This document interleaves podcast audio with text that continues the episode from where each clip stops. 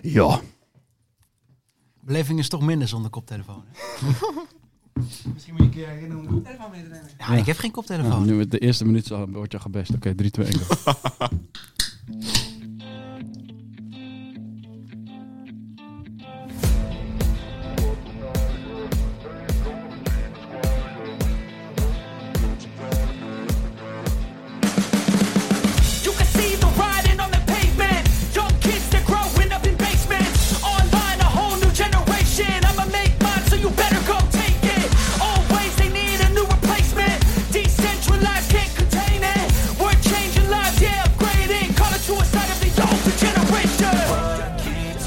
Yeah Make all the demons yeah We were built to thrive, yeah I think that we've all enough you up yeah Make all the demons yeah We Hij werd als nieuweling Nederlands kampioen Omnium. Daarna werd hij als junior Nederlands kampioen achtervolging, puntenkoers en koppenkoers.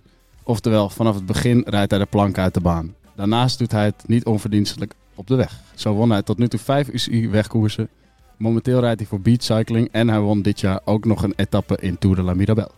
Maar op de baan komt hij echt tot zijn recht. Zijn eerste zesdaagse overwinning behaalde hij in 2014 aan de zuiden van de huidige bondscoach Nick Stuppler. Hij werd als belofte derde in het koppenkoers op de EK. Dit was allemaal het begin van een tot nu toe mooie baancarrière. Vanaf de nieuwelingen werd hij 20 keer Nederlands kampioen. Alleen de echte grote vissen kwamen pas de afgelopen jaren. 2019, tweede op het EK koppelkoers. 2021, Europees kampioen koppelkoers. 2022, wereldkampioen puntenkoers. En als klap op de vuurpijl afgelopen jaar als eerste Nederlandse koppel ooit samen met jouw wereldschip wereldkampioen koppelkoers. Grootste doel, de Olympische Spelen in Parijs. Een echte kampioen dus en wij zijn blij dat hij te gast is in Clubhuis Team Lucas, Juri Havik.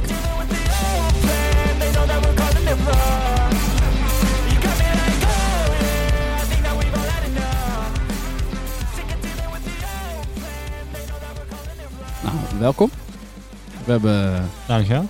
Juri Havik en de twee telefoonboys. Nieuwe generatie. Ja, nee, wij hadden even oogcontact tijdens het intro.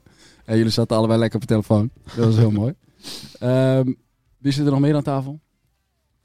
Julian. En Jan. Oké, nog twee baanbatties. We mogen hopen op zo'n mooie carrière, denk ik. Eh, we beginnen, net als eh, vorige week, even met een kla- paar korte vragen. Als je die eh, zo kort mogelijk wil beantwoorden, kunnen we later altijd even op terugkomen. Ehm, en dan, Ja, eh, nee, wordt dat? Eh? Nee, dat kan natuurlijk niet. Anders Oh. zijn we hele slechte vragen Ah. natuurlijk. Eh, eerste vraag. Wat was je eerste actieve herinnering aan het racen op de fiets? Oeh, ja, dat moet zijn gewoon thuis door de steeg, zeg maar. Ik ben opgegroeid in een wielerfamilie en, en dat ik drie jaar was, reed ik in een Barnesto pakje of Rabobank pakje te racen door de steeg. En echt wielrennen was acht jaar bij DTS. Of eigenlijk hier bij Olympia in de herfstvakantie ben ik begonnen. Oh, beste ploeg van Nederland. Ja. Komt altijd terug, hè? Olympia. Olympia stiekem. Oké. ehm, als tiener haatte ik de sport als ik... Als ik verloor. ik won niet zo heel vaak nog, tot mijn veertiende. Dus eh, ja, ik was wel echt een winnaartje. Gewoon met elk spelletje wilde ik winnen. Dus als ik op de fiets niet won, dan haat ik het af en toe wel. En toen ik jong was, vond ik het fantastisch om te fietsen, want... Want eh, het was wie ik was, al heel snel. Dus bij DTS ken ik de weg. Ik wist eh, wie de mensen waren, waar de wc was, weet ik het. Dat hoorde bij mij. Dus eh, daar waren mijn vriendjes, mijn vriendinnetjes. Van school rende ik zo snel mogelijk naar huis. En dan wilde ik s'avonds op de club trainen. Oké, mooi. Als je nu weer 15 zou zijn, wat zou je dan je belangrijkste advies zijn aan je minimi? Eh, ja. Misschien toch eh, niet te snel willen. Uiteindelijk is het best goed gekomen. Het is best een mooie lijst wat je net opnoemde. Maar ik denk dat ik tussen me... Ja... Ja, gewoon 18e en 25e vooral zo toch wel heel erg het echt heb nagejaagd. En te graag wilde af en toe. Te veel met de Nicky Terpstra meetrainen. Te veel koersen. Eh, ja, ging ook vaak heel goed. En de mensen om je heen in ploegen, die vinden het dan ook allemaal heel leuk en heel goed. Maar ja, later heb je wel, en dat weten die jongeren nu veel beter, veel beter leren trainen. En als je meer geduld hebt, dan meer trainen in plaats van koersen, dan gaat het uiteindelijk misschien sneller. Ik eh, las ergens, eh, het is gewoon een persoonlijke wat ik wil weten. Wat is je leukste bijnaam? Die je ooit hebt gehad? Mijn leukste Je bijnaam? natuurlijk in al die zes dagen krijg je andere bijnaam. Ja, ik denk Donatello. Ja, dat dacht ik al. dat had ik ook opgeschreven. Snappen jullie dat? Nee. Nee. Nutella of zo. Wat? Nutella? Ja, klinkt toch een beetje als Nutella. Donatello, weet je niet wie dit is? Ja, van de Turtles. Ja. Ik ben groot fan van de Turtles. Turtles. Maar eh, met de paarse, paarse oh. Ja, klopt. oh, Ninja Turtles. Ninja Turtles. Ken je die? Oh, ja, ja, ja. Had ik het toevallig vandaag nog over. Nee. Ja, Oké. en waarom? Wat denk je? Laat hem maar antwoorden. Nee. Ja, vroeger was het wel erger natuurlijk. Ja, Ik snap het nog niet. Oh, vanwege eh, je lip. Nee. Nee, nee. Oh, geen idee. Ik zal Oh, bossel zo. op mijn rug. Oh. En daarom Donatello. Ja, dat is een schild. schip natuurlijk. Maar hij kan toch ook een andere turtle zijn? Ja, maar Donatello was er Quasimodo, degene die eh, een beetje... eh, achter de bijnaam zat. Was. Oh, oh. Dat wist ik niet. En welke zesdaagse was dat? Eh, ja, dat begon een beetje in Bremen. 2013, 14, weet ik veel, zoiets. We zitten altijd met een vast clubje renners met dezelfde verzorger, zeg maar. Dus ja, ik zat met Morgan Knijski, Tristan Marquet, hele leuke gasten. Jesper Murkoff, een broertje van. En ja, die, die zaten mij altijd met mij te geinen natuurlijk. Op een dag eh, ja, was er een dochter of kleindochter van de verzorger mee. En die vond mij wel leuk. En eh, ik was dan die schildpad op de fiets, zeg maar. En Donatello was blijkbaar degene die dan achter de vrouw aanging. Dat wist ik eerst niet. En toen was ik ineens een Donatello. Maar dat was ook een beetje zo'n verkapte naam van... eh, ja, je moet even jagen op die eh, chick. Maar toen was het een tijdje met bijna. Oké. En dat wist ik niet. Ah, vette bijnaam. ja. Wij hebben ook een mooie verhalen altijd. Achter bijnaam. Vertel. Ja, gewoon... ik vind El Moetero wel mooi. Ja, je moet even je eigen bijnaam vertellen natuurlijk. King Julian. Maar die mag ik niet. Van Madagaskar. Van Madagaskar. Ja, ook van hem. Ja. Dat is een beetje hetzelfde karakter. Ja. Beetje- Hij beetje- zegt ja ook, hè? Net alsof doen of je alles weet. Ja. je bent er nu ook achter gekomen in die ene training. een test op mij had ook geen Julian. Oh, echt? ik was een keer op vakantie in uh, Zanzibar en daar had ik weer een van de troon op. Dus sinds toen was het ook geen Julian. Kijk me staan. Prins Jury ook nog een bijnaam. Genoeg bijnaam. Heb jij nog bijnaam? Ik hè? Ja. Ja, Sean. En daar eindigt het eigenlijk. Ja, jammer joh. Niet veel bijnamen. Jean Paul. Jean Moeten Paul. er zeker komen. Oké, ehm, je zei net, ik haatte het om te verliezen. Was dat echt al vanaf eh, jongs af? Ik kom dat dan ook omdat je uit een fietsfamilie komt? Of is dat echt, zit dat echt in je? Nee, niet per se denk ik. Want ik denk dat mijn ouders ook wel heel erg meteen geleerd hebben van... eh ja, wielrennen is een sport waarin je alleen maar verliest bijna. Je rijdt eh 80 koers in een jaar, wat? Ja, nu niet meer, maar... Al rij je 80 koers in een jaar, dan verlies je waarschijnlijk nog 79 keer. Maar dat was gewoon met spelletjes en zo. Was ik heel driftig kind en wilde ik heel graag winnen. En ook op de fiets en dacht ik vaak wel dat ik wel goed was. En met trainen ben je dan waarschijnlijk ook de beste van jouw club. Maar in Noord-Holland ben ik vaak al tweede. En landelijk eh ben ik niet bij de eerste tien. Tot de 14, dus een beetje categorie 7. Toen won ik, eh veel, 15 wedstrijdjes. En als nieuweling begon ik ook wel echt te winnen. En junior. Maar ja, dan alsnog, als je als junior veel wint, dan win je misschien eh acht of tien koers in een jaar. Zeg maar. Dus ja, dan die keer dat je niet wint, heb je er wel de pest in. Want je hebt altijd het gevoel, ook als sprinterstype, ik was toen wel meer een sprinter dan nu nog, echt op de weg ook. Ja, dan heb je altijd wel het gevoel van, ja, fuck, ik eh, ja, liep me flikken door Barry Marcus en dan zette me klem tegen het hek. Ik had gewoon eerder moeten beginnen. En, en je hebt altijd wel een reden waarom je niet Ja. gewonnen hebt. Zo. Ja, zegt hij. En heb je dat nog steeds? Dat willen winnen? Of is dat minder geworden met de jaren? Mm, ja, ik moet eerlijk toegeven dat ik nu wel vaak op de weg ook zo, Lucas was erbij als ploegleider in Turkije, een beetje meerijd. Zo van, ja, dit is training en je weet dat je niet gaat winnen. En dan is het ook Maar die eerste etappe, als het dan niet goed loopt. Ja, kijk, dan ben je ook weer een winnaar. Dat je denkt, ja, ik doe godverdomme een lead-out van Roy Evering of Matthijs Buffely. En ze verprutst het helemaal. Ja, dan ik zelf wel even vijfde kunnen worden. In een dikke koers op tv. Maar dan weet je ook al, zeg maar, van ja, dat 3, 4 of 5 een heel mooie uitslag had geweest. Want Jasper Philips had ik niet geloofd. En dat is dan toch ook minder erg of zo. Dus eigenlijk op de weg heb ik voor mezelf ook de laatste vijf jaar die druk niet meer. En in baanwedstrijden wel. Kijk, als je naar een week aan baan gaat en je zou net geklopt worden. En je hebt daar, eh, ja, eigenlijk het hele jaar, maar zeker drie maanden veel naartoe geleefd. En je hebt zes weken van tevoren eh, drie weken op een berg gezeten. Je zit op rustdagen in een sauna, wat ik echt kut vind. Maar ja, het is goed voor het hitteprotocol. En we trainen in rubber pakken, je zweet je eigen blubber. En dan zou je er net, net aan verliezen. Ja, dan is het wel eh, niet goed als het je niet boeit. zeg Maar als dat je niet meer boeit, als je doelen bereiken dan niet lukt en het boeit je niet, en dan moet je stoppen, denk ik. En waaruit dat eh, niet winnen zich in? Mm, nou, ik ben niet zoals sommige sprinters dat je ziet dat ze zo heel gefrustreerd meteen doen. maar Zoals ik- die bokser. ja, Bouhanni. Oh. Ja, wat ik zelf, eh, als ik even tussendoor mag, wat wel grappig is. Tuurlijk. Jouw eh, koppelgenoot van vroeger, Wim Stroetinga, Oh. die werd ook een keer heel boos. Ja, ja. Tijdens het NK 2016. Oh ja. ja. Dus ik zat eh, met mijn vader, eh, wij kijken heel veel wielrennen. En toevallig keek mijn moeder een keertje mee. En dat was in Zeeland en Dylan Groenewegen won het NK. En Wim Stroetinga werd tweede. En die ging met zijn helm gooien. en sindsdien haat mijn moeder Wim Stroetinga. dus, eh, Nou, kijk, ik zou dus misschien ook nooit met mijn helm gooien, maar ik kon hem nou volledig goed begrijpen. Want ja, dat was een beetje zijn enige kans in zijn leven om Nederlands kampioen op de weg te worden. Het was het perfecte parcours, de makkelijkste wedstrijd ooit. Hij was op dat moment misschien nog de snelste. Maar wist ook dat een jaar later Groenewegen alweer stappen gemaakt ging hebben dat hij hem nooit meer ging pakken. Dus ja, dan je, word je helemaal gek als Dion Beukenboom voor jou de lead-out verpest en jou insluit. En je eigen ploeg eigenlijk jouw sprintkans op een Nederlands titel verpest. Maar ik ben dan meer, eh, ja, gewoon wat zagrijniger en stiller in die avond zelf of zo. Omdat ik dan misschien gewoon teleurgesteld ben in mezelf. En eh, niet zelf de ideale omstandigheden heb gecreëerd gedurende die wedstrijd of fout heb gemaakt. En dan eh, baal je gewoon heel erg. En dan ben je de rest van die dag misschien een beetje zagrijnig. En vaak als je een doel niet hebt gehaald, heb ik, dan ben ik de volgende dag alweer extra gemotiveerd om gewoon weer opnieuw te kijken van oké, waar gaan we dan wat pakken, een mooie prijs en dan ga je daar weer naartoe werken. En juist als ik wat gewonnen heb, echt zoals WK koppenkoers, dan ben ik de week na een beetje zo van ja, ja en nou, nou heb je het gewoon bereikt. Ja, dan moet ik gewoon weer boodschappen gaan doen. Dat verandert niet. Ja, dan, dan ben je wat meer eigenlijk gewoon relaxed. en nou, weet je. Is dat ook heel erg veranderd? Eh, was je vroeger eh, langer chagrijnig of driftiger? Of heb je je ouders erheen gestuurd misschien? Ja, ja, ik denk dat, ik- dat mijn moeder me wel echt gestuurd heeft dat ik die driftaanvallen als echt kind wel even kwijt moest.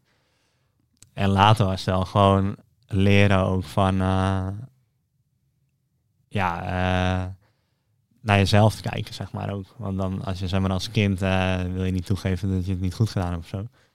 En dan begin je een soort smoes te verzinnen. Maar ja, ik moest niet met mijn vader aankomen dat eh, al die renners er om me heen verkeerd hadden gedaan. Ik moest gewoon zelf dingen beter doen. En dat- dat, dat moet je natuurlijk wel leren ook, weet je wel. Ja. Oké. En eh, al vroeg op de baan, zoals we net zeiden, al Nederlands kampioen bij de nieuwelingen. Jullie ook? Ja, ik, ben, ik was ook Nederlands kampioen bij de nieuwelingen. Nou, dan, eh, nog twintig keer. Nog ik 19 nog niet. Ben je nog nooit Nederlands kampioen op de baan? Nee, nog nooit op de baan. Dit weekend. Ja, dit weekend wel. Ehm, en eh, was baan dan ook gelijk een soort van je hoofddoel? Of heb je dan, eh, kijk, die gasten willen eigenlijk allemaal wegprof worden.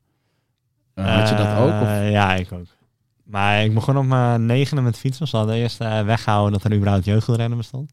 Dus ik was heel boos, want er bestond al een categorie 1. En dan kwam ik later pas achter. in categorie 2.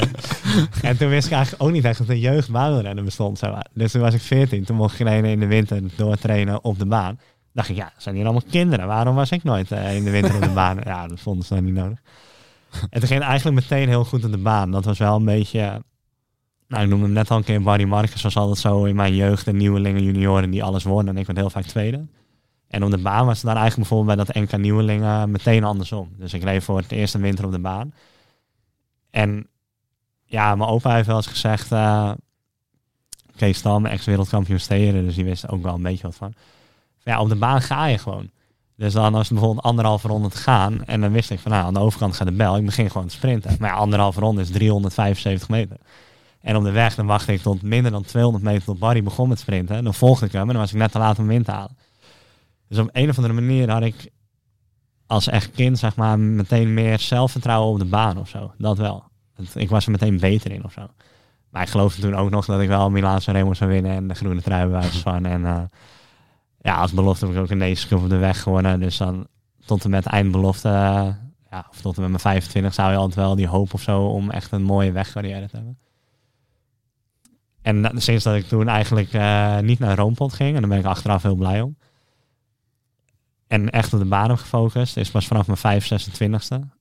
En ja, nu heb ik een super leuke carrière ook vooral met veel winnen. En eh, echt grote doelen zoals de Olympische Spelen. En ik denk dat, dat, dat ik dan beter tot mijn recht kom dan eh, ja, maximaal punt één wedstrijd op de weg winnen. Want ja, Milan Sanremo, dat zat er niet in, denk ik. Ja, je zegt Roompot, eh, dat je daar niet heen ging of kan. Kan je daar iets over vertellen hoe dat ging?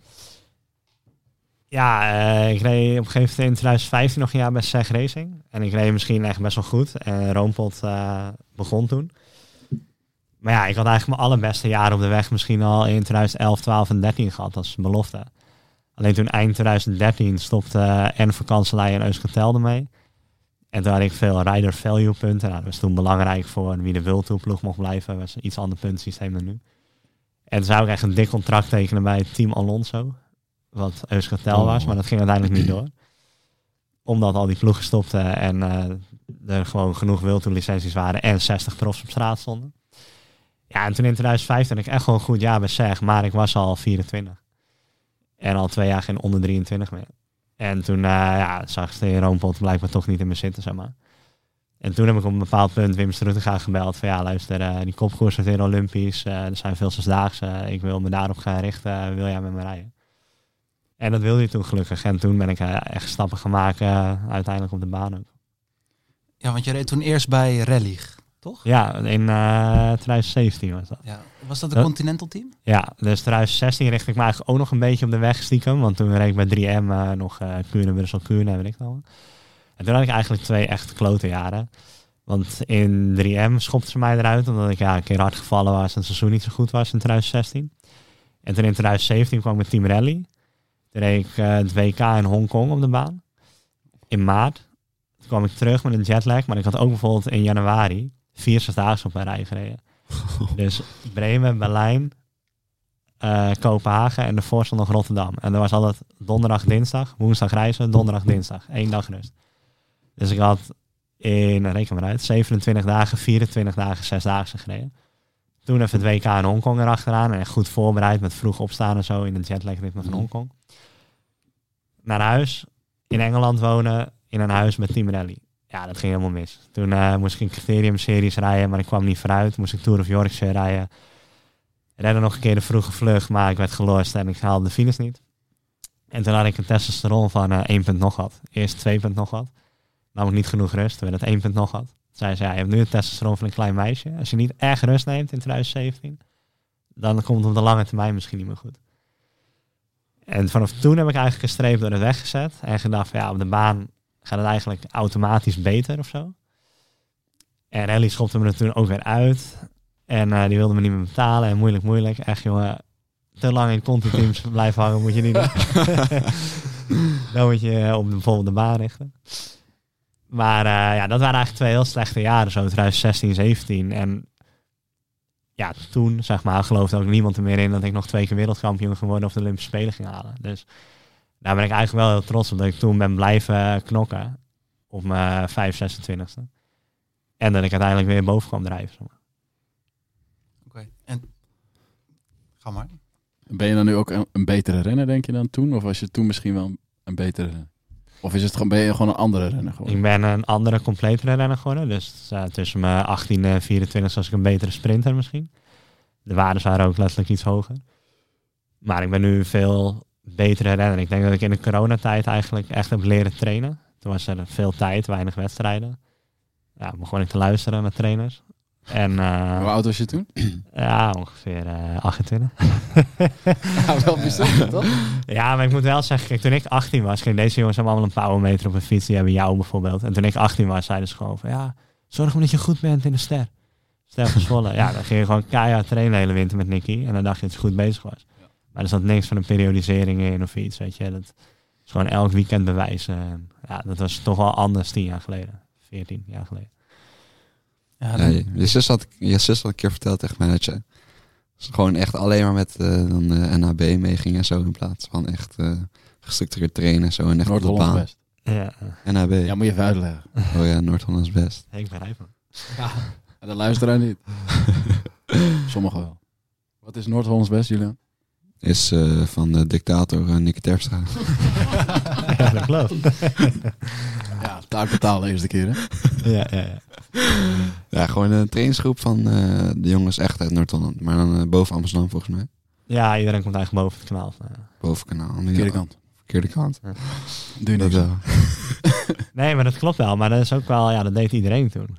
En dat was hem vaak ook niet slecht. Hè? Ik bedoel, als je op woensdag vijf uur gaat fietsen, je draait af en toe een Mhm. waaiertje, je tikt alle zones wel aan. Alleen als Nicky op maandag het op zijn heup had, was ook nog Nicky natuurlijk echt iemand die de dag na Roubaix nog een keer drie uur gaat losfietsen met koffie. En dan reed hij drie uur 240 watt. Maar ja, dat wist ik toen niet. dat het hard was. Ja. ja, maar je dan die- reed hij mij tijd- wel over de kop. Het is die tijd geen training. Trainer, zeg maar. Nee, eigenlijk niet. Je reed bij de Rijken, Oh, ja, zag je in het weekend. En eh, ja, dan moest je gewoon eh, zorgen dat je goed was. En bij SEG had ik eigenlijk voor het eerst was een trainer, Fassi. Die eh, Griek, die nu ook in die Ja, docu ja, zat ja. van Kevin is. En ja, die heeft mij in het jaar bij SEG, in 2015, dus toen was ik ook al 24, voor het eerst wel echt leren trainen. En daar luister ik ook al naar hoor, want ja, ik wil het heel graag goed doen. En dat was natuurlijk ook dat ik jong was. Als Nicky in de groepsapp stuurde, ah, wie gaat er mee, koffierondje? Dan, ja, ja, ik ga wel mee, want ja, koffierondje dag na de koers. Alleen dat hij vervolgens 2 uur 40 met koffie best wel hard ging fietsen, was voor mij te gek en voor hem niet, zeg maar. En dat was dan soms fout, maar dat heb je als je juist heel graag wil wel eens natuurlijk. Ja. Dat doe je als dictator. je hebt geen keus, vriend. Verder. Nee, eigenlijk niet. Wat? Nee. Moeten we hier dieper op ingaan of zullen we hem afslaan? En waarom ben je geen fan Ja. van Nicky Terpstra? Ja, dan word ik exposed. je begint er zelf over. Nee, ik heb een documentaire gezien en... eh, ja, ik weet niet, niet echt een sympathieke vent.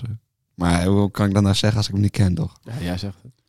ja, kan ik niet zeggen. Ja, ik denk, in die documentaire komt hij wel nog wat lomper over dan hij is, denk ik. Dat heb je misschien, Ja? eh, denk ik wel, toen ik dat ook, eh, ik heb dat ook gezien. Hij is wel liever, zeg maar, dan in die documentaire lijkt, denk ik. Ja, gelukkig. Maar ja, iemand die Vlaanderen en Roubaix wint, als renner kan je er natuurlijk sowieso fan van zijn, zeg maar. Dat had ik meer over. Ja, dat eh, ja, kan wel. Ik ben wel fan van Nicky Terpstra. maar Ja, goed zo. Draai me positief. om een andere reden. Wij reden een keer eh, WVA met de jongens van Team Lucas WPGA. En binnen onze groep hebben wij een jongen met een hele interessante stuurafstelling. Wat? De naam wordt eh, verder niet genoemd. Maar eh, jullie weten niet wie ik bedoel? Nee, verder. ik was er- ik was er niet. Oké, iemand bij ons heeft zijn stuur heel bijzonder staan. Gewoon moeder of zo. Oh, ik weet het al. Oké. ja, ik weet Oh, ik weet het ook al. En toen... eh, Die rode.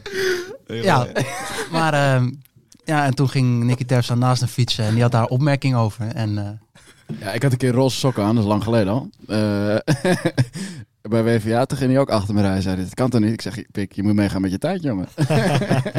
Vond hij ook niet leuk. ja. Nou, misschien wel leuk te vertellen hoe dingen samen kunnen komen. Reed jij hier in 2014 de Zesdaagse? Ja, met Nicky. Ja, dus ehm, nou, ik was 2014 ehm 7. En toen gingen we met mijn vader en opa hier naar de Zesdaagse. En toen jullie reden met nummer 1, hè? Ja, ja. Ja, ja dus toen, toen ging ik hier kijken. En toen, jullie wonnen ook. ja. Ja, dus de, ja, ik ging met mijn vader en opa naar de Zesdaagse. En toen reed je al hier Zesdaagse. Ja. ja. ik vond het gewoon heel grappig hoe dat nou terugkomt. Dat je hier zo in een podcast zit. Was je geïnspireerd? Ik weet nog dat eh, het Spaanse koppel, Mora Torres, denk Ja, ik, die had een lekker band. dat was het grootste, eh, grootste, happening, het dieptepunt. eh, grootste happening van die dag. maar over... Kunnen we al naar Zesdaagse gaan of is dat eh te het is eh, jullie podcast. Oké, onze podcast. Er was op een gegeven moment eh Six Day Series.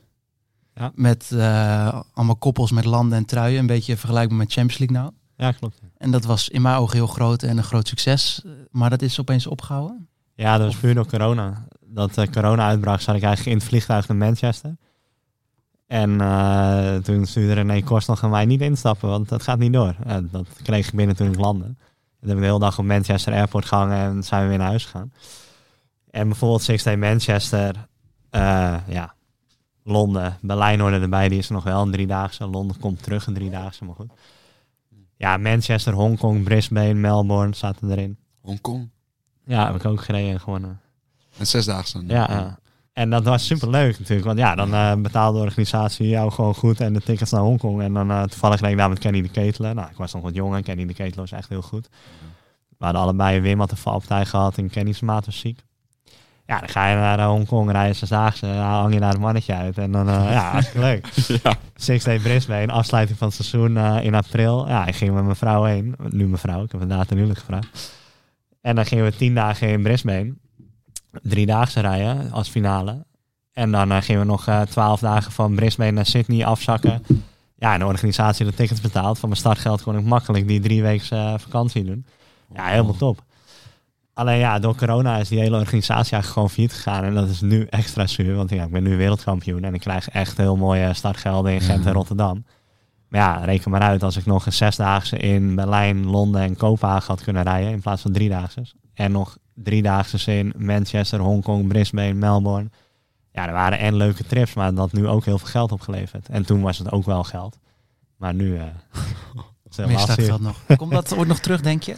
Echt eh, meer zesdaagse en dat Ja, soort... eh, weet je, in 2014, 15 zo zeiden ze ook van ja, het sterft helemaal uit. En in 2019 was er een supermooie Six-Day serie, alles Eurosport. Dus je weet het nooit. Ik hoop natuurlijk dat het weer terugkomt. En in Gent is het elke dag uitverkocht. En in Rotterdam gaat de kaartverkoop geloof ik goed. Alleen ja, eh, het valt staat ook een beetje met eh, bijvoorbeeld onze successen, Harry en Jeffrey, waardoor er mensen naar Rotterdam komen. Ja, als dat ook weer een beetje opdroogt of eh, de toekomst komt er niet aan. Maar het lijkt er nu allemaal goed uit te zien, dus laten we hopen dat het weer opkomt. Ja. En kan zo'n Track Champions League daar invloed op hebben? Nou, die moeten niet in de weg gaan zitten van de originele zesdaagse, denk ik. Want ja, zoveel baanwedstrijden zijn er niet over het hele jaar gezien op de kalender. Dus dat is wel echt een taak voor de UCI om dat goed te reguleren.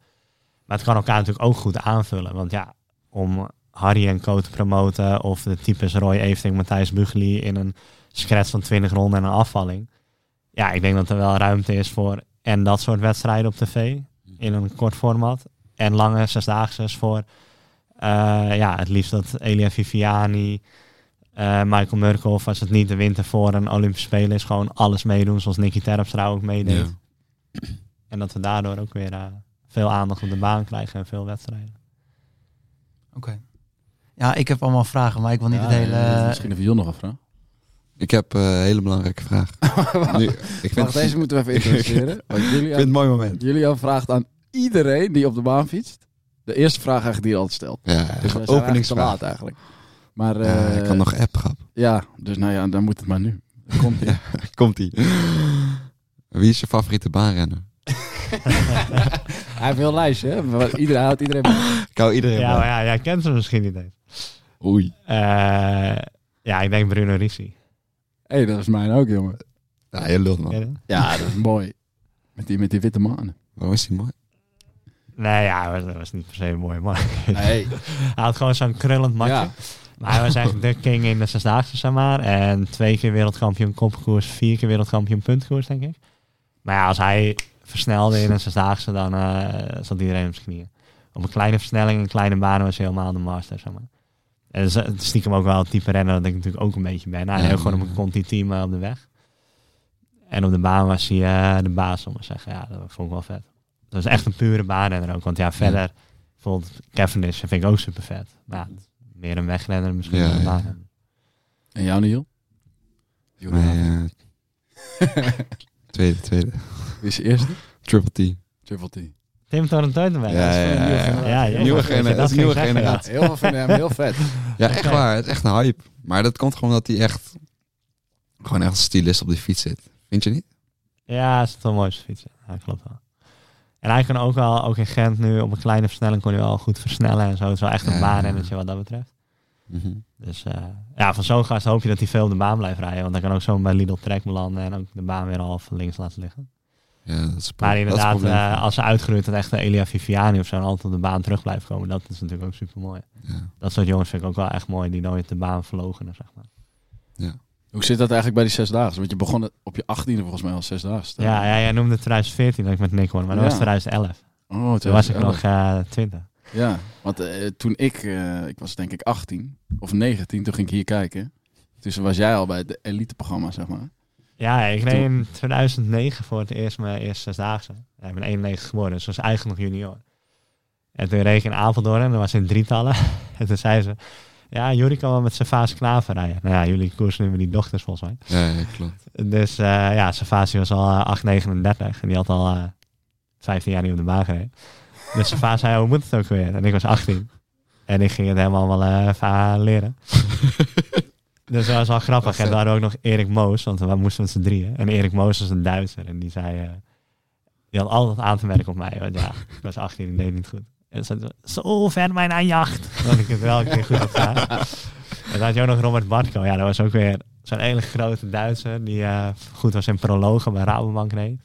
Ja, die wilde ook een beetje de baas zijn op de baan. En die zei dan, zoveel kinderen in de baan. maar de ene jongste, ja, die was 23 zo. Dus ik dacht, kut, hij bedoelt mij. Toen liep ik gewoon die kleedkamer naar hem toe. en zei, ja, wat was er nou joh? Want je zei zoveel kinderen in de baan. Maar ja, ik ben hier 18, dus je had het natuurlijk tegen mij. Zo best wel de hand. Ja. Toen pakte hij me gewoon zo met mijn kraag. Hield hij me gewoon in, tegen de muur. ik met mijn voetjes zo pakken. en toen kwam Danny langslopen langs die kleedkamer. Die zei, hey, hey, laat die kleine eens los. Ja, toen kwam het allemaal weer goed. Ja, dan waren ze altijd boos op mij. Want ja, ik was dat 18-jarige knaapje. En als iemand te lang aankeek, dan eh, waren ze al boos. Zeiden ze tegen Danny. Ook, deden ze net of ik er niet bij zat bij de eettafel. Zei hij in het Duits. Waarom kijkt die kleine wild naar mij? Zei Danny, ja, hij vraagt waarom hij naar je kijkt. Zei, ja, ik ben niet gek, ik spreek al Duits. ah, dan ik kijk helemaal niet naar hem.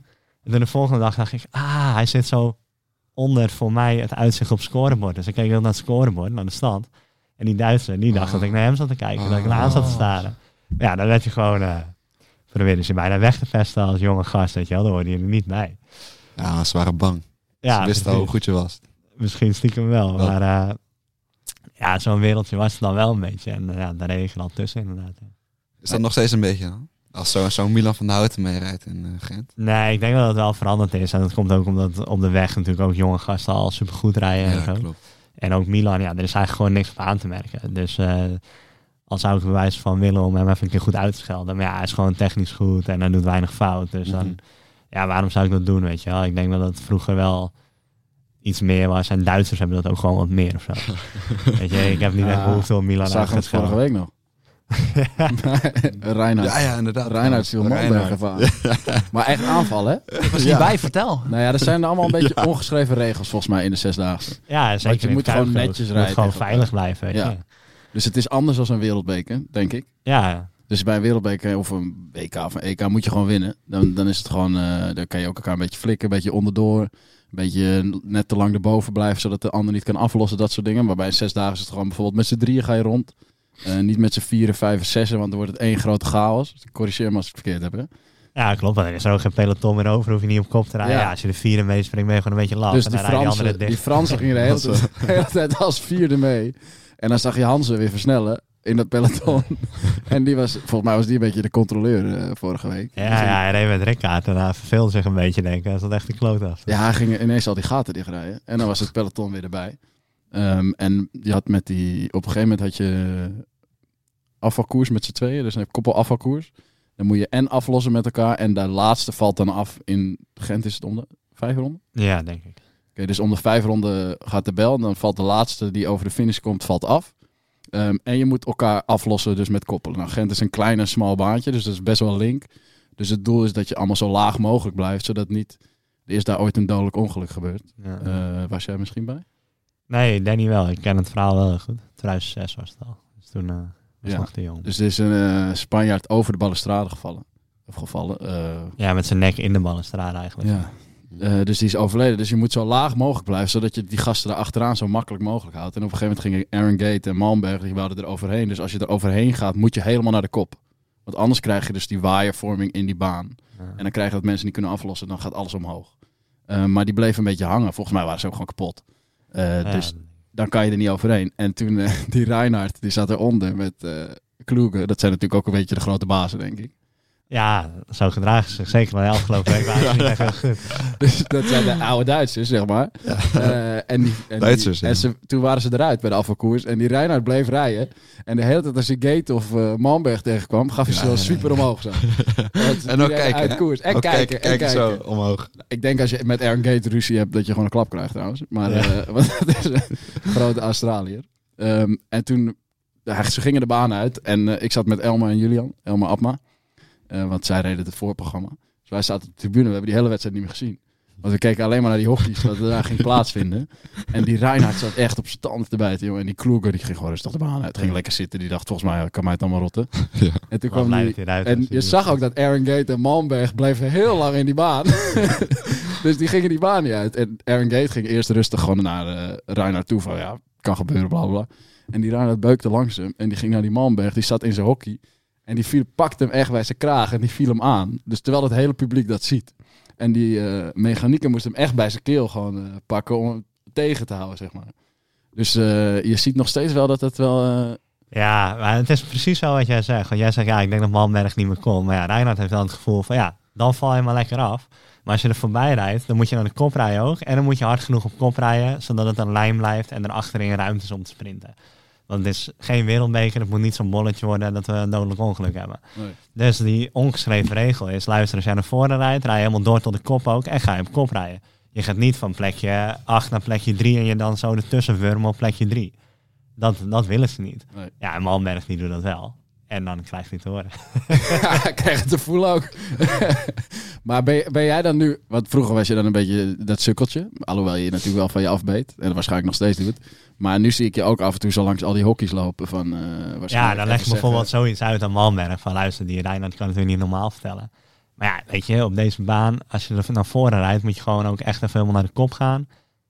En dan eh, je ding doen op kop tot de volgende er weer voorbij komt. Ja, je kan het wel iets laten stilvallen, maar niet op plekje drie er zo tussen gaan hangen en dingen. Ja, en dat soort dingen, weet je wel, ja. Je hebt wat van die ongeschreven regels, ja, daar moeten ze zich dan toch even aan houden.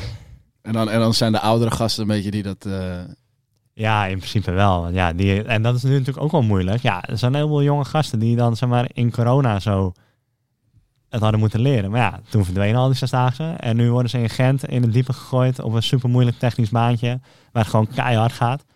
En dan eh, komt de oude garde even vertellen dat ze het allemaal niet goed doen. Ja. Hoe groot is het verschil tussen een zesdaagse en een wereldbeker? Qua koppelen? Mm, ja, heel groot. Eh, het ligt ook wel aan de lengte van de baan. Want op Gent rijdt natuurlijk een kleinere versnelling dan omdat die baan zo kort is. 166 meter. Ja. En eh, ja, in een wereldbeker kunnen ze gewoon mee wegkomen om eh, slechte techniek te hebben, zeg maar. Dus als Campbell Stewart met Aaron Gate rijdt, ja, die worden gewoon tweede op WK. Maar die kunnen er eigenlijk niks van. Wijs van. Die hebben geen techniek? Nee, die zijn gewoon allebei lompsterk. En die beginnen gewoon te sprinten nog voor die aflossing. En dan doen ze een tikkie jij bent. En overdreven gezegd natuurlijk.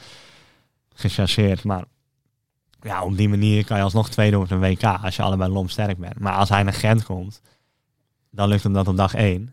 Maar dan is het al twee keer een lange kopkoers en een koppelafvalling. En dan voelt ze poten omdat zijn techniek slechter is. Ja, en op dag vier en vijf, dan... Ja, het beste voorbeeld is Ollie Wood en Mark Stewart.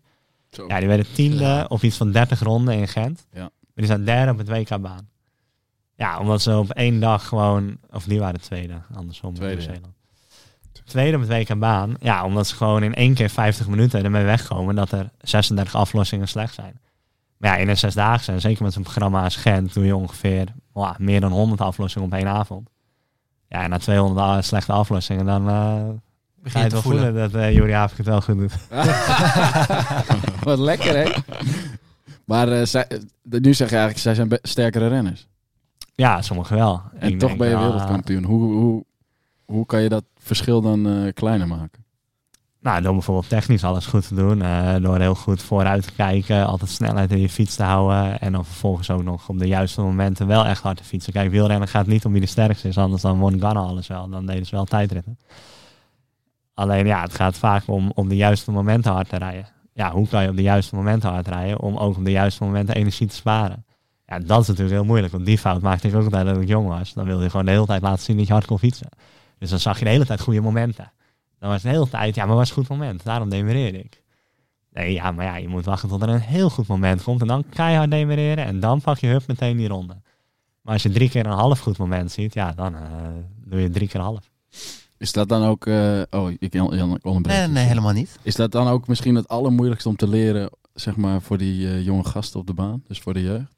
Ja, ik denk het wel. Want dat is een stukje ervaring. En je bent natuurlijk bang dat je achterop komt te lopen. Bijvoorbeeld binnen zo'n kopkoers of puntkoers.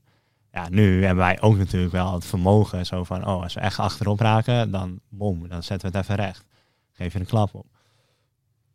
Maar ja, omdat je ook dat geduld hebt om het beste, betere moment af te wachten, gaat het vaak ook weer makkelijker. En dan krijg je zo'n soort positieve spiraal binnen een wedstrijd. Kent iedereen wel, dat als je helemaal lekker in die flow zit en je durft weer een sprintje te laten lopen, pas pak je die volgende weer. Ja, dan gaat het lekker voor die jongens. Ja, en als het eenmaal, eh, als je er zo te graag wilt, dat werkt vaak niet. En jongeren willen vaak te graag. Mag ik? Dat mag. Ja, je gewoon. Oké, maar op zo'n, ehm, als we specifiek gaan kijken naar het WK eh koppelkoers in Glasgow, Hoeveel slechte aflossingen heb je dan in totaal? En wij je eh, zegt eigenlijk over nul. nul slechte. En hoeveel perfecte? En hoeveel gemiddelde? Ja, ik denk dat wij dan al zo'n lange aanloop doen en zo'n lange trainingsblok op hoge snelheden en zo ervoor, dat het echt... eh, ja, we doen 36 beurten, dus ik denk je 36 keer de ene kant en 36 keer de andere kant op aflost. Is dat uitgerekend van tevoren? Dat is eigenlijk bijna elke wedstrijd van 200 ronden is dat zo. Dat zit niet vaak een beurt naast, zeg maar. Dus dat is uitgelezen van tevoren. En ik denk dat wel van de 36 er zeg maar gewoon nul echt slecht waren op de WK. Ja, en dat er dan, ja, eh 20 echt perfect zijn, 10 nog goed genoeg en 6 matig, weet ik veel, zoiets. Maar ja, dat is al heel veel beter dan een heleboel andere koppels. En Kluk en Reinoud zitten misschien nog wel iets beter dan dit. Maar ja, bijvoorbeeld die Engelsen en Nieuw-Zeelanders, die zitten slechter dan dit. Dus die hebben misschien wel gewoon meer vermogen verbruikt, maar ja, wel minder punten gehaald. Ja, het gaat om de punten en niet om je powermeter. En eh, zijn die coaches er minder specifiek op? Of hoe kan het dat zij slecht aflossen of dat zij minder aflossen? Ja, nou, ik denk dat die coaches minder specifiek zijn. Kijk, nu is het natuurlijk helemaal eh, ideaal voor ons dat wij een niks Tuppler hebben. En die het ook, zeg maar, met een kleine motor vroeger samen met mij ook perfect hebt moeten doen om het juiste resultaat te halen. Ja, en als jij een van de Nieuw-Zeelandse of Britse coach heeft, hebt, die vooral op een ploegachtervolging kijkt en denkt van ja, dit is meetbaar, hier gaan we in eh 3 minuten 43 een Olympische medaille mee halen. Oh ja, we moeten ook nog even koppelkoersen, jongens. Nu even een half uurtje koppelen. Hey. Even kort aflossen. Ja, en dan, en dan heb je heel vaak mensen erbij die, ja, die niet opgevoed zijn met Danny Stammers oom en Robert Slippers. En die het gewoon nooit zo goed geleerd hebben. Want ja, het is natuurlijk ook niet zo als de Tour de France wel door honderdduizenden wetenschappers helemaal uitgeplozen wordt. Het is toch, ja, er zit in Engeland echt wel een wetenschapper op die alles analyseert en zegt hoe het moet. Ja, het blijft toch echt fine-tuning om dat heel vaak te doen en te oefenen met iemand mee te- die meekijkt, die goed weet hoe het moet. Want Nick Stuppler kan mij echt nog goede aanwijzingen geven. Maar hiervoor hadden we bijvoorbeeld Adriaan Helmantel en Tim Veld. Ja, die zeiden zelf ook, ja, sorry jullie, we kunnen jou niks leren. Leer jij het Jan Willem alsjeblieft. Ja. En dan kunnen jullie het allebei. Maar dan had ik al niks meer te leren, bij wijze van. Terwijl ja, het is ook lekker als er iemand gewoon kritisch naar mij kijkt. Weet je. Ja, wat zei jij net? Tussendoor? Korte aflossingen. En Ja, dat is super interessant. Dus wij stonden, ik zei altijd bij die coaches. Maar ik vind bij ehm, Je moet even vertellen over korte aflossingen. korte aflossingen, nou, de, nee, vertel jij maar, dan ga, haak ik erop in. heel goed. Dus die, ik stond met de Britse coach van de junioren. En die was ook in Gent. Dus ik zeg tegen die gasten, waarom lossen jullie zo kort af, joh? Want die doen een soort van, eh, die komen net naast hun middel en dan lossen ze af. Dus eh, hij zegt tegen mij, ja, dat leren we zo. Want anders wordt het eh, lang en dan wordt het gevaarlijk. en toen zei ik, dus ik zei, maar dan moet je het toch ook weer afleren? Nee, ja, maar daarna leren ze het wel weer goed of zo. dus dan, dus in de basis leren ze het al fout, want dan is het veiliger. Kijk, Julian ging ook gewoon zijn bek, omdat het te lang was. Maar ik heb, bij, volgens mij is onze insteek altijd dat de aflossing goed moet zijn en dat je liever net iets over dat randje gaat. En voor nu maakt het ook gereed uit natuurlijk. Eh, dan dat je het soort van fout gaat aanleren. En die Engelsen leerden het. Kijk, die aflossing op zich was wel goed, alleen het was geen hele aflossing. En ze zeiden dat is veilig, want het is een 166 meter baan. en wij waren helemaal verbaasd toen we dat hoorden ook. En uiteindelijk reed ze ook af en toe wel een beetje in de weg. Omdat hun aflossing dus totaal anders is. Eh, en als je gewoon een volledige aflossing hebt, haal je daar gewoon veel meer snelheid uit. Ja, kijk, het kan ook bijna alleen maar als je al heel hard rijdt, die bovenste. Zo'n Ja. korte aflossing. Dus dan ben je dus energie aan het verspillen eh, om op gang te komen zonder aflossing. Ze wonnen Ja. wel hoor. Ja, ja omdat ze waarschijnlijk dus ook gewoon weer heel sterk zijn. En zij ook wereldkampioen, hè, de Britten. Ja, maar Ja. Die, die, die, Die waren ook heel slecht. Die gasten, WK. die waren nog tien keer slechter. Dat was nog tien keer korter gewoon. Maar ja, die ene gaat naar Jumbo en die andere gaat naar Axion. Uh, Hagens, ja. Hagens. Dus er zal ook wel power in zitten inderdaad. Ja, dus, ja. Maar ja, ik zag... Ik heb dan... De Italianen doen ook hetzelfde eigenlijk. Althans, de... Ook slechte aflossing. Is ook vanuit eh ploegachtervolging gedacht natuurlijk. Ja. Die landen. Dus je het had komt- nog een eh, inhaker. Nee, dat was dat wil ik zeggen. Dat die jongens op het WK echt Oh, oké. mega slecht waren gewoon. Maar het is, wel, het is eigenlijk heel gek dat je naar een WK gaat of naar een Olympische Spelen gaat. En dat je zegt dat hun techniek gewoon niet perfect is. Ja, omdat het gewoon een- toch een heel technisch nummer is. Zeg maar. En ja, vroeger reed je dus, eh, of Kluge, ja, die heeft ook misschien eh 60 eh zesdaagse in zijn leven gereden. Ik heb er al meer dan 50 gereden. Ja, dat zijn al meer dan 300 avonden met meerdere koppenkoersen op een avond. Ja.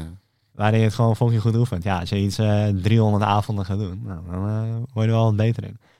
Maar ja, als Jan-Willem van het Schip, eh, die fietst wel vanaf zijn twaalf op de baan. Ja, die heeft nooit die stage gereden. Nooit op jonge leeftijd met een kleine motor eh, mee moeten komen, zeg maar. En dat is natuurlijk ook, als jij onder druk, omdat je nog niet zo goed bent op je achttiende, alles perfect moet doen om überhaupt mee te komen. Ja, dan leer je het jezelf natuurlijk wel heel goed aan allemaal. En nu voeg je nog een keer dat vermogen erbij. Want ja, zoveel beter zijn ze niet meer, die andere renners. Anders kan ik ze niet verslaan. Ook niet in een puntenkoers vorig jaar. Ja, en nu voeg je dus zeg maar die hoge stages goed trainen vermogen toe. Ja, dan uh, gouden formule. Dus eigenlijk moeten we zes dagen voor de jeugd. Ja, ik denk dat onder 23 stage supergoed is ook. Ja, het, het gaat steeds meer richting junioren. Volgens mij waren er vijf juniorenkoppels. Ja, En, ik eh, reed ook maar- als junior bij die onder 23 hoor. En toen ik 18 was, alleen ik al bij de elite. Ja. Kleine flex. Met kleine ook, Nee, hoe ja. oud ben jij? 18. Te laat. Eh, volgend jaar Rotterdam. Ja? Ja, Oké. onthouden. Met Juri Havik. Dat zou het zijn, hè? Ja, dan moet hij, al- als hij Olympisch kampioen wordt, kan het niet. Dan moet hij met Jan Willem weer. Ja. Dan heb ik dat. eh. Ja, heb je dat weer?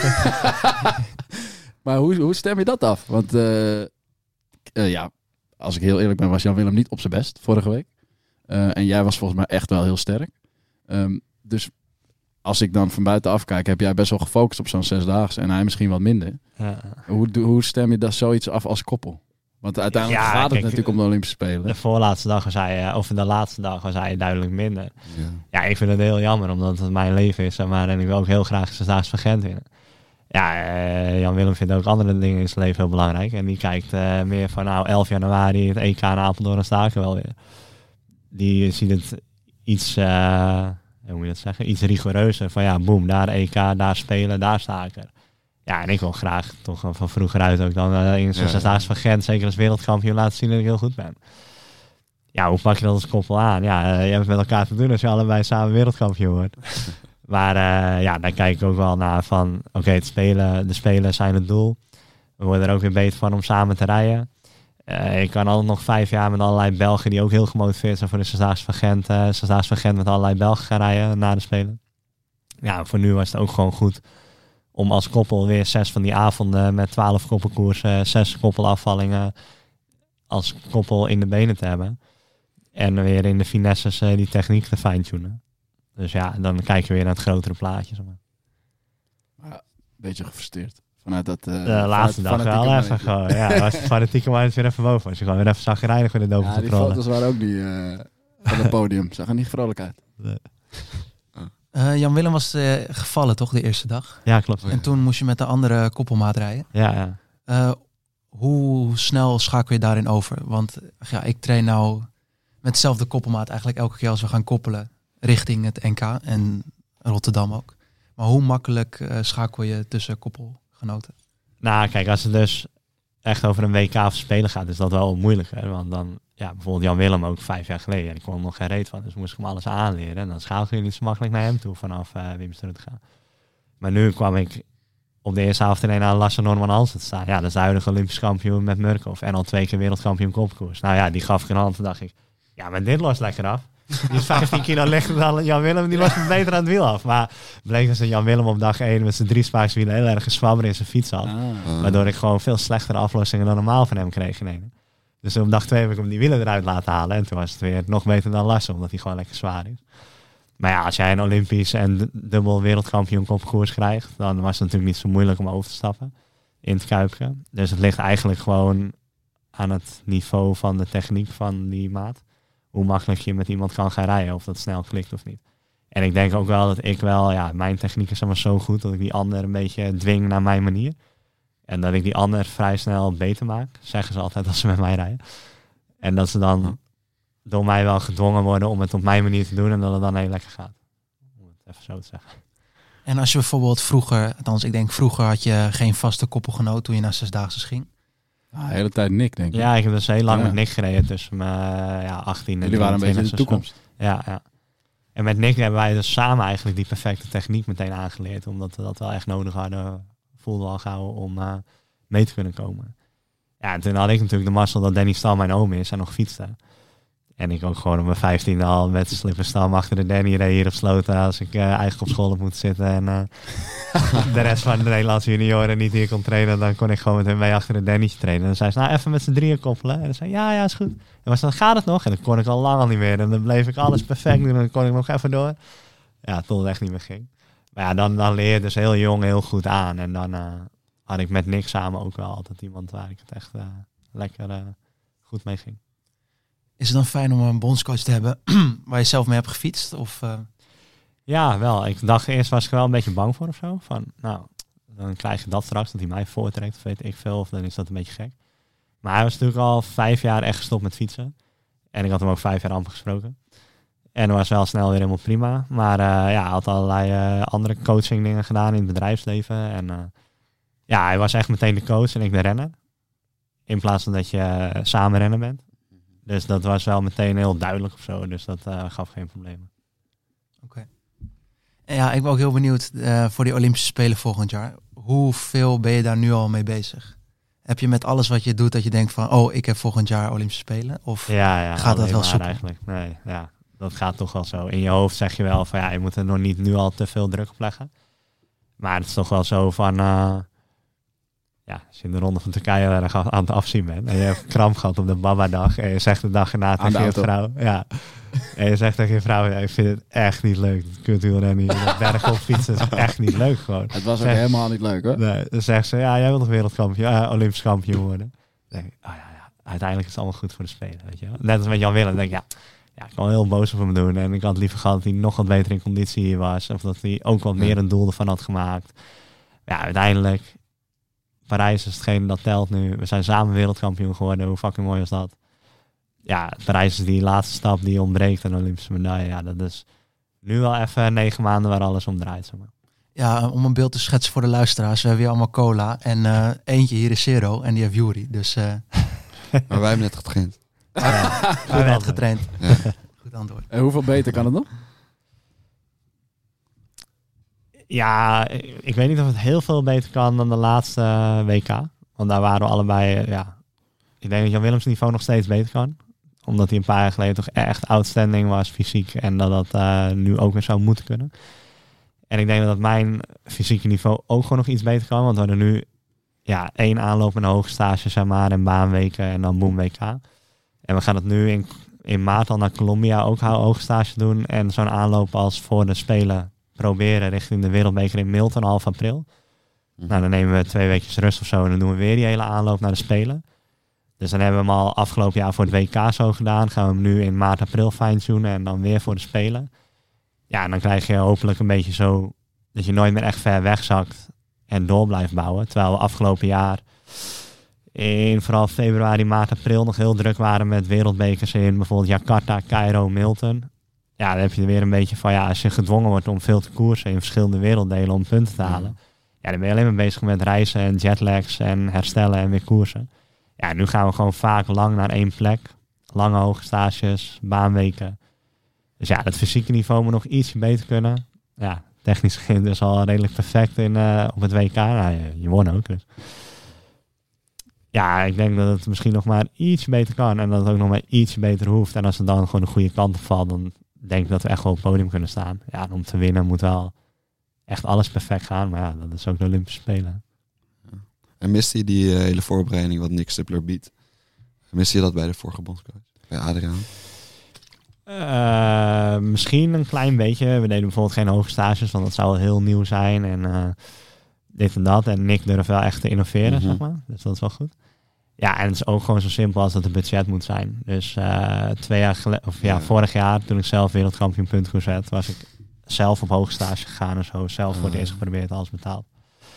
Afgelopen jaar komt dan wel al vanuit de bond. Ja, dat we nu en de ronde van Turkije en twee keer hoge stage kunnen doen en zo. Ja, dat komt gewoon uit een apart potje van NOC-NSF. En die is er dankzij dat wij wereldkampioen zijn geworden.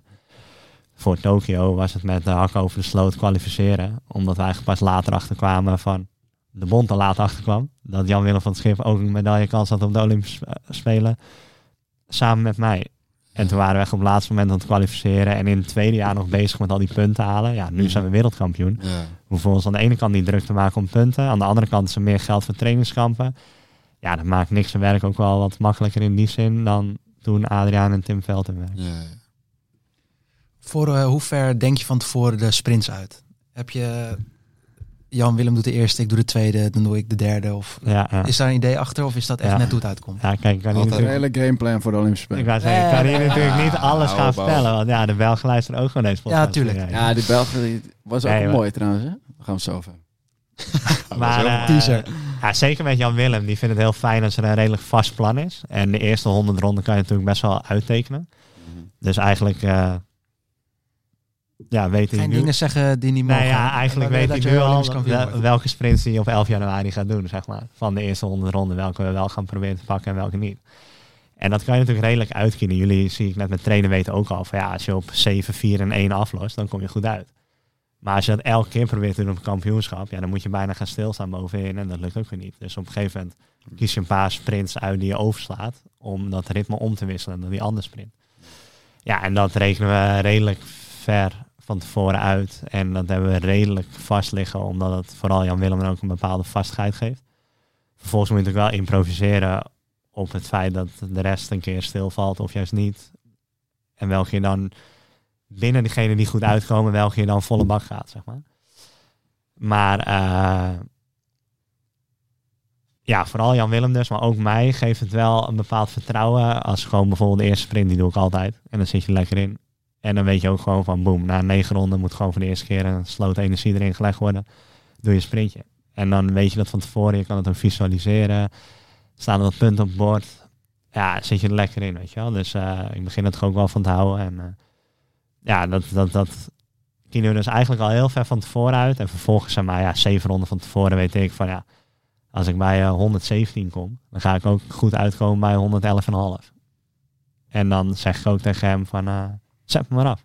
Weet ik veel. En dan, als hij bij 4 inkomt, ja, dan Ja. weet je dat redelijk ver van tevoren. Je draagt geen vizier met je eh, Nee. helm. Is daar een idee achter? Of vind je dat niet fijn? Of... Ik vind het gewoon niet fijn, maar de belangrijkste reden is dat ik zo erg zweet. Dat al het zweet op het vizier komt, dat ik geen reet meer van zie.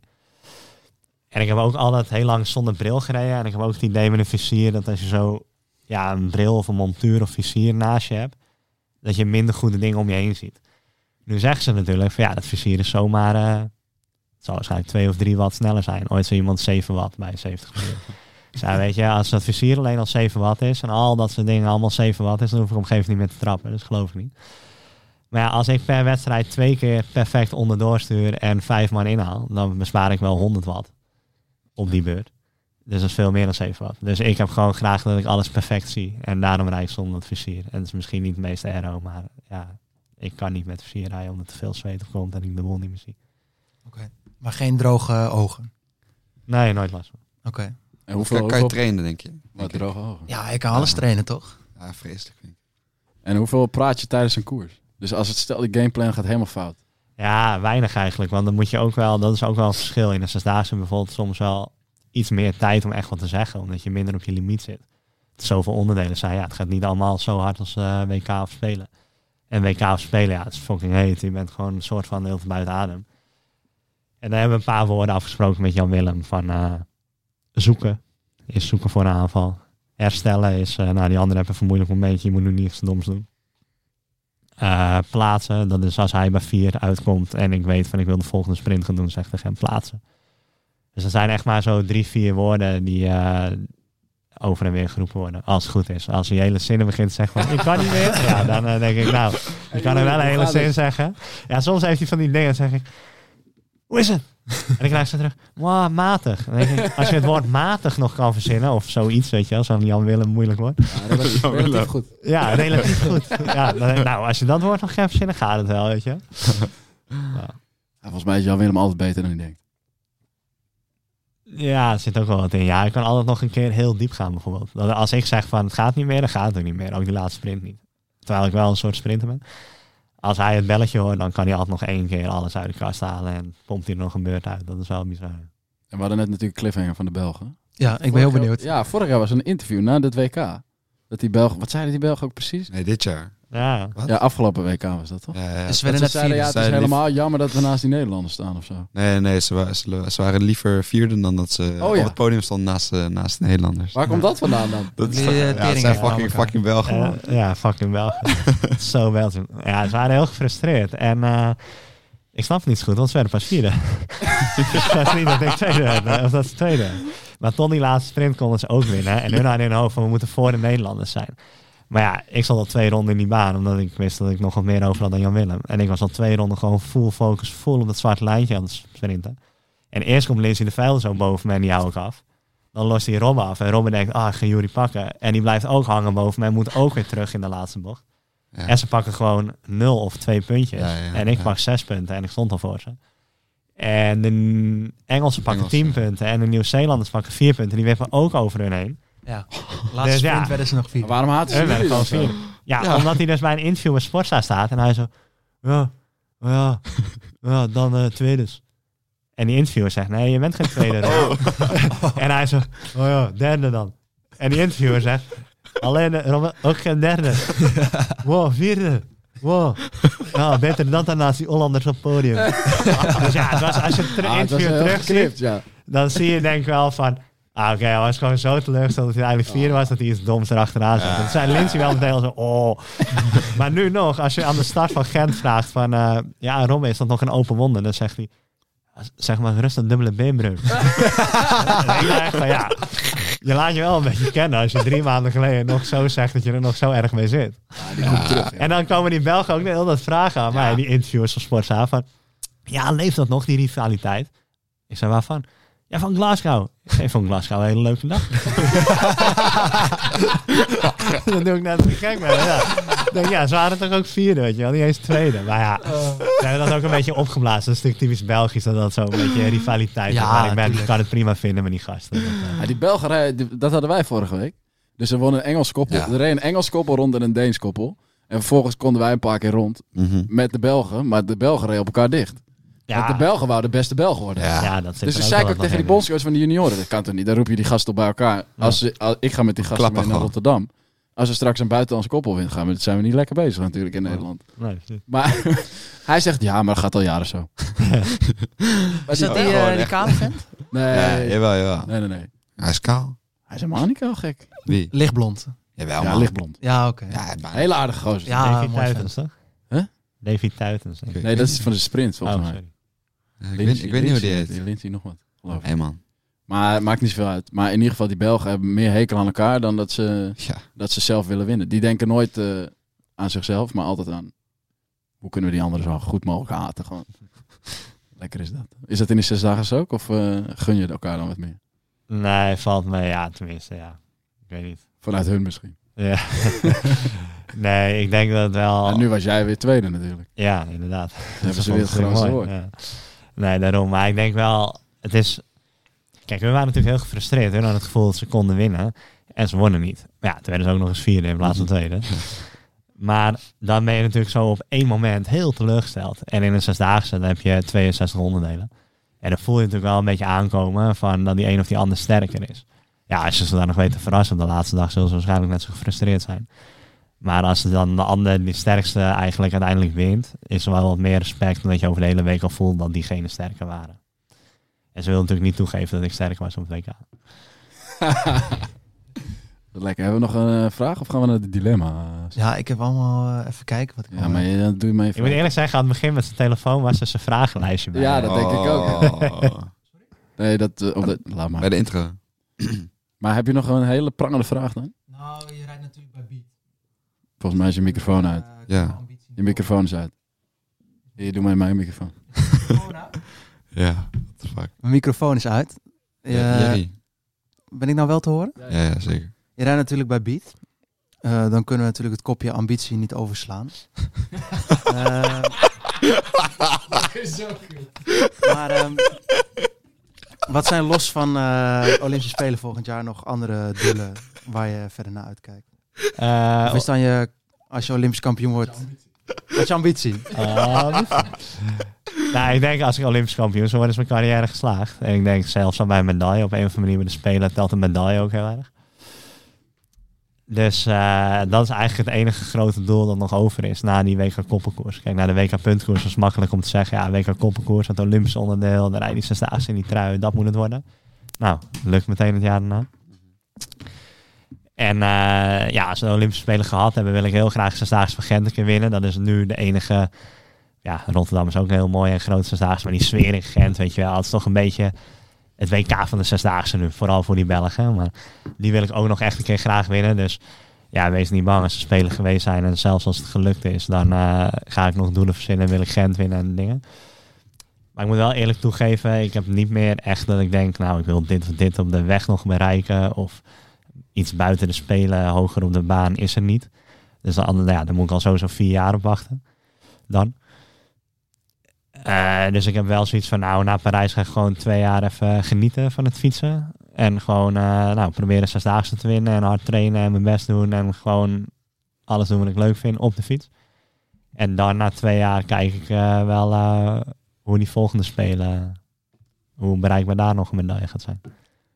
Ben ik weer te horen? Oké, goed. Helaas. Helaas. En na het fietsen, weet je al wat je daarmee wil gaan doen of ben je daar niet mee bezig? Bondscoach. Nou, ik was er wel even mee bezig in coronatijden, want toen had ik eigenlijk nog minder gepresteerd. En ik dacht, ja, als alle zesdaagse verdwijnen, dan moet ik nog maar gaan werken of zo. Nou, dat vond ik helemaal niks, dat idee. nee, dat vind ik nog niet eh, echt een leuk idee. Dat ik denk, nou, zesdaagse fietsen is af en toe bij vlagen wel zwaar. Of de dag daarna dat je thuis komt. Maar werken is ook maar wat. Nee, eh, ik denk dat ik wel graag in de sport zou willen blijven. Ja, Lucas zegt bondscoach. Ja, als ik uiteindelijk bondscoach van bijvoorbeeld de baan ben, ik denk wel dat daar mijn specialisme ligt. Maar misschien kan je beginnen zoals Kirsten Wil. Die begint nu ook met de jongeren en zo te coachen. Nee, gelijk eh, bondscoach. Ja, gelijk bondscoach. Ja, Veel beter, hè? grap. Maar eh, ik denk wel dat ik dat uiteindelijk heel leuk vind. En eh, ja, of dat dan op de baan is of op de weg. Of eh, ja, zie ik dan weer. Maar wel in de sport, denk ik. Topsport echt. Dat lijkt me wel. Ja, ik ben zelf ook heel gemotiveerd. En als ik jullie zo zie en jouw vragen en zo. Dat vind ik leuk. En een derde rangsniveau eh vind ik ja, minder leuk. Ja, maar dat mag. Snap ik. Nee, vet, vet. Als je nu bondscoach zou zijn, wat zou je verbeteren? Ja, weinig. Gaat eigenlijk heel goed. We zijn wereldkampioen geworden. Dus dat is natuurlijk iets... eh, ik denk dat we alles wat we willen verbeteren al aan het verbeteren zijn. Ja. Dus dat, eh dat scheelt. Oké, nou, dan kan je Nick niet vervangen. Jammer. Nee. Dan moet je nog lang doorgaan. Ja. Oké, we gaan eh, naar de dilemma's. We hebben even een introotje natuurlijk. Yes.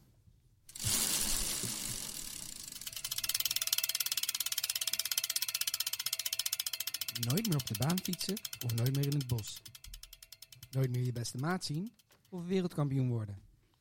Nooit meer in het wiel plakken of nooit meer los uit het peloton. Dit is de laatste ronde in Clubhuis Team Lucas. De dilemma's. De dilemma's. We hebben er zelfs één die ingestuurd is. Dat doen we als laatste. Eh, Welke is dat? Oh, dat is de laatste die er onderaan staat. Eh ingestuurd door Elma, ene Elma A. Ehm, Kom maar. Elma. Goeie dilemma's, hè? Oké, Jan, heb jij een dilemma? eh, ja, heel spontaan. Eh, word je liever Olympisch kampioen en dan stopt die carrière? Of geen Olympisch kampioen en eh, door blijven koersen? Oh, dat is echt meteen een moeilijk dilemma. Ja, ik zeg net, het enige wat nog open is op mijn palmares is die Olympische titel. Als je dan bedenkt dat ik na negen maanden nooit meer mag fietsen dan ook, geen wedstrijden. Vind ik echt wel jammer. Ik zie mezelf nog wel eh, zeker vijf jaar doen. Man, man, man. Ja, ik denk geen Olympisch kampioen. nou, erg wil ik dan zeg maar. Dus dan zit de passie van die sport Ja. wel heel diep. Ja, precies, dat denk ik wel. Nog steeds. Eigenlijk wel mooi. Maar ja, geen Olympisch kampioen. Tweede. Tweede. Tweede, ook mooi. Maar niet achter Belgen? Nee, nee, nee, nee, nee. Dan, dan win ik liever en stop ik met fietsen. Deze wordt al gespeeld als je tweede bent geworden. Oh. Oké, ik ga door. Yes. Terug naar het begin. World Tour prof en alle koers op de weg mogen rijden en goed doen. Zonder baanwielrennen. Of baanwielrennen zonder ooit World Tour te rijden. Zoals nu. Eh, ik denk baanrennen zonder ooit wildtour te rijden. Ja. En eh, ja, misschien klinkt het voor jullie gek, omdat die droom echt nog wildtour is. Dat was mijn ook altijd. Aha. Maar ik weet nu bijvoorbeeld als je de ronde van Turkije rijdt, dat het voor ja, pak een beetje 90% van de wildtourrenners heel vaak best wel saai is. Je doet je werk, je fietst op kop en een ploegmaat wint. En dan is het even juichen en dat is superleuk als je een ploegmaat hebt die kan winnen. Ook heel veel ploegen winnen niet zoveel. Maar het is vaak gewoon eh, ja, best wel zwaar. En dat is niet erg. Hè? Ik bedoel, niks is 100% leuk. Mag wel zwaar zijn in het leven. Maar het is gewoon... Wildtoerrennen zijn is gewoon heel zwaar. Eh, je moet er heel veel voor opgeven. Je doet ook hoge stages als knecht en dingen. Maar ja, er zijn nou eenmaal een handjevol pocketjars. Waar Mathieu van der Poel, Wout van Aert die echt wedstrijden winnen. En er zijn een heleboel knechten. En dat had ik ook geweest. En ik denk dat het nu leuker is wat ik doe. Kijk, als je dan het financiële mee gaat overwegen en ik had misschien nog veel meer kunnen verdienen in de World Tour, dan wordt het misschien ook weer anders. Maar eh, ja, ik weet zeker nu dat het heel leuk is om als wereldkampioen in het Kuipke van Gent het mannetje uit te halen. Ja, ja, ja. Met een heel En- goed baannummer ook. Ja, precies. En eh, als je dus eh, op de weg een beetje meerijdt, zal ik het even noemen, Mhm. is dat best wel saaier misschien. En zeker nu, dat je natuurlijk heel erg eh, op je eten moet letten, eh, trainingen perfect moet uitvoeren om überhaupt mee te komen in de World Tour. Denk ik dat een lange World Tour carrière misschien minder leuk is dan regelmatig wedstrijden op de weg, eh, baan winnen. En ook nog op de weg, omdat je wat kleinere wegkoersen doet als Ja, baanselectie. Ja. Hoe, heb jij een idee over de toekomst van het wielrennen? Want ik denk er soms wel eens over na. Want ach ja, ik wil zelf profielrenner worden. Grote vraag. En, Ja. dan, en op de weg... Begin nog wel even opnieuw. Ja. Ja, helemaal, helemaal opnieuw. Podcast nummer twee. Nummer twee. Maar dan, ehm ach ja, het niveau wordt alleen maar hoger en alles wordt serieuzer. Denk je dat dat dan altijd door blijft gaan? Of dat er een moment komt dat eh, dat teruggaat? Of ben je daar niet zo mee bezig eigenlijk? Nou ja, ik, ik denk of ben bang dat de sport gewoon blijft evolueren. En misschien hangt daarmee samen dat carrières korter worden. Maar ja, uitzonderingen zijn altijd daar. Alleen, eh, ja, het lijkt er wel op dat zeg maar, ja, la Nicky Terpstra en dan eh, ook alsnog Roubaix en Vlaanderen winnen, dat dat bijna niet meer gaat lukken, zeg maar. En eh, ja, gewoon naar buiten gaan, rammen met je vrienden, taartje eten onderweg en dan weer thuiskomen. Dat is natuurlijk wel gewoon, zeg maar, waardoor iedereen begint en het leukste wat er is. Maar constant die wattage mee te kijken, kan ook mooie dingen hebben en dat je jezelf verbetert, et cetera. Maar wordt natuurlijk saaier na 15 jaar. Ja. Ik denk niet dat het professionalisering van sport tegen te houden is. Ik denk dat voetballers, Rafael van der Vaart kon bij van iets dikker ook meekomen. En nu zijn ze allemaal super gespierd en afgetraind. Ja, weet je, elke sport evolueert gewoon. En in wielrennen gaat dat nu in een heel hoog tempo. Door eh, dat er meer geld en allerlei wetenschappers in die sport komen.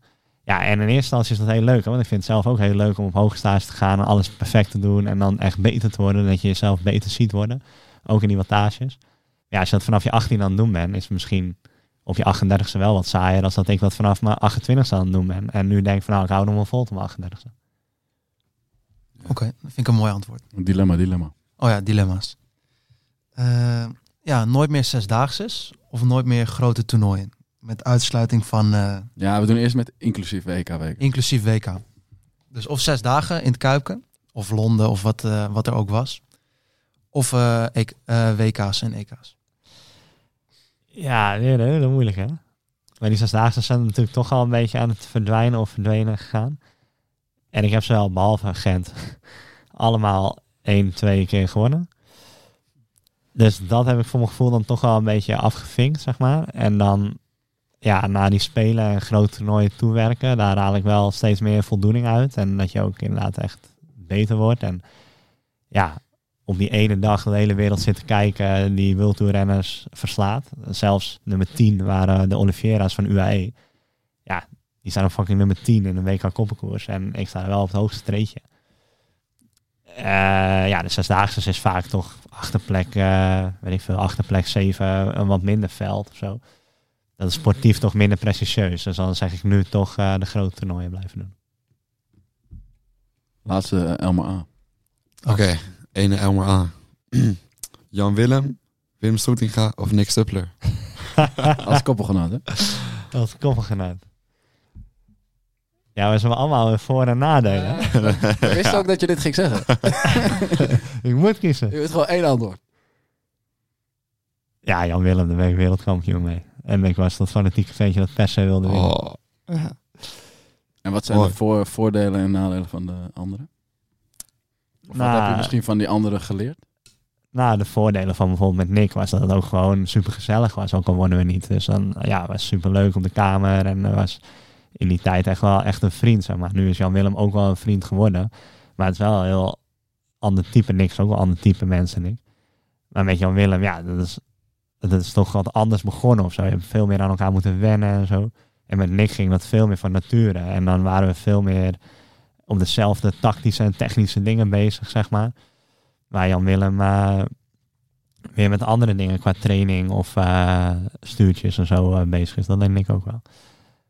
En met Wim was weer bijvoorbeeld, die was heel relaxed, zeg maar. En die heeft mij leren afremmen eigenlijk. Dus Nick en ik wilden eigenlijk allebei vaak nog wel te graag. Waardoor we onszelf over de kop reden binnen zo'n zesdaagse. Ja, en Wim heeft mij echt leren temperen binnen een wedstrijd of binnen een zesdaagse. En dat werkt supergoed samen, omdat hij eigenlijk te relaxed was.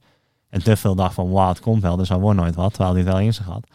En ik was die fanatieke uh, motherfucker die op hem op het perfecte plekje afzette. En hij bepaalde dan wanneer hij wel of niet sprintte. En dan pats eh, haalde die onderdelen binnen in de zesdaagse. Dus dat heb ik weer heel erg van hem geleerd. En eh, ja, van Jan Willem heb ik in eerste instantie gewoon het keihard trainen afgekeken. En op je powermeter kijken en gewoon rammen. In plaats van achter een dannietje, lekker uit de wind. Zonder powermeter op je baanfiets. Zaten wij gewoon tot vlak voor Tokio. Ja, waar doen we niet. Ja, ik van Jan Willem, en die werd helemaal gek van hoezo heeft die jongen geen powermeter op zijn baanfiets. Heel Apeldoorn ligt vol met die powermeter van die ploegachtervolgers. En ik zo, ja joh, nee, maar als je gewoon uh, 54, 15 snel genoeg rondrijdt achter de Danny. Ja, weet je, nu denk je, waar was je mee bezig vijf jaar geleden? Je moest die powermeter erop gooien, meteen, meteen. En dat heb ik weer van hem geleerd. En zo heb ik van iedereen wel wat geleerd en voor- en nadelen. Maar ja, als ik nu terugdenk aan de tijd met Nick, dan was het echt een beetje zo het samen uitvinden, samen beter worden. Uh, ja, altijd lachen op de kamer wel. Uh, ja, was wel uh, echt heel leuk ook of zo. En met Jan Willem is het weer vooral echt presteren, weet je wel. Ja. Ligt er soms gewoon wat meer druk op of zo bij allebei. Ja, dat. Mooi. Mooi uh, afsluiten. Heb je nog een uh, nabrander voor de jeugd? Een mooie one-liner? Mm. Krijg ze allemaal maar de pleuris. nee, ja. Blijf hard je best doen, ja. Het gaat af en toe kut gaan. Ja, toen ik 5, 6, 27 was, dacht iedereen, nou, die jongen wordt nooit wereldkampioen meer. Dacht ik ook zelf. Maar ja, ik ben 1,32 was gewoon voor de eerste wereldkampioen. En voor de eerste wereldkampioen op Olympisch nummer. Dus kan ook je 32ste nog. Dus blijf er altijd zelf in geloven. Ook al is er een ploegleider bij een kutploeg of zo die denkt dat je het niet kan. En uh, er zit een keer een slecht jaar tussen. Ook al ben je super uh, beloftevolle belofte. Ja. Misschien kom je er pas laat. Misschien kom je er wel heel snel. Ja. Gewoon in jezelf blijven geloven. En uh, af en toe is het kut. Maar uiteindelijk is het een mooi leven. Als je 32 bent wil je liever fietsen dan Olympisch kampioen worden uiteindelijk. ja, man. Dankjewel. Juri Havik, dankjewel. Um, dit was uh, de heel veelste aflevering van uh, Clubhuis Team. Ja, ik ben er soms niet, dus ik weet het niet meer. Vijftiende aflevering van Clubhuis Team Lucas. Uh, podcast mede mogelijk gemaakt door Des Media. En uh, hou de socials in de gaten. Uh, blijf op die baan fietsen. En dan zien we jullie de volgende keer. Hang, hang.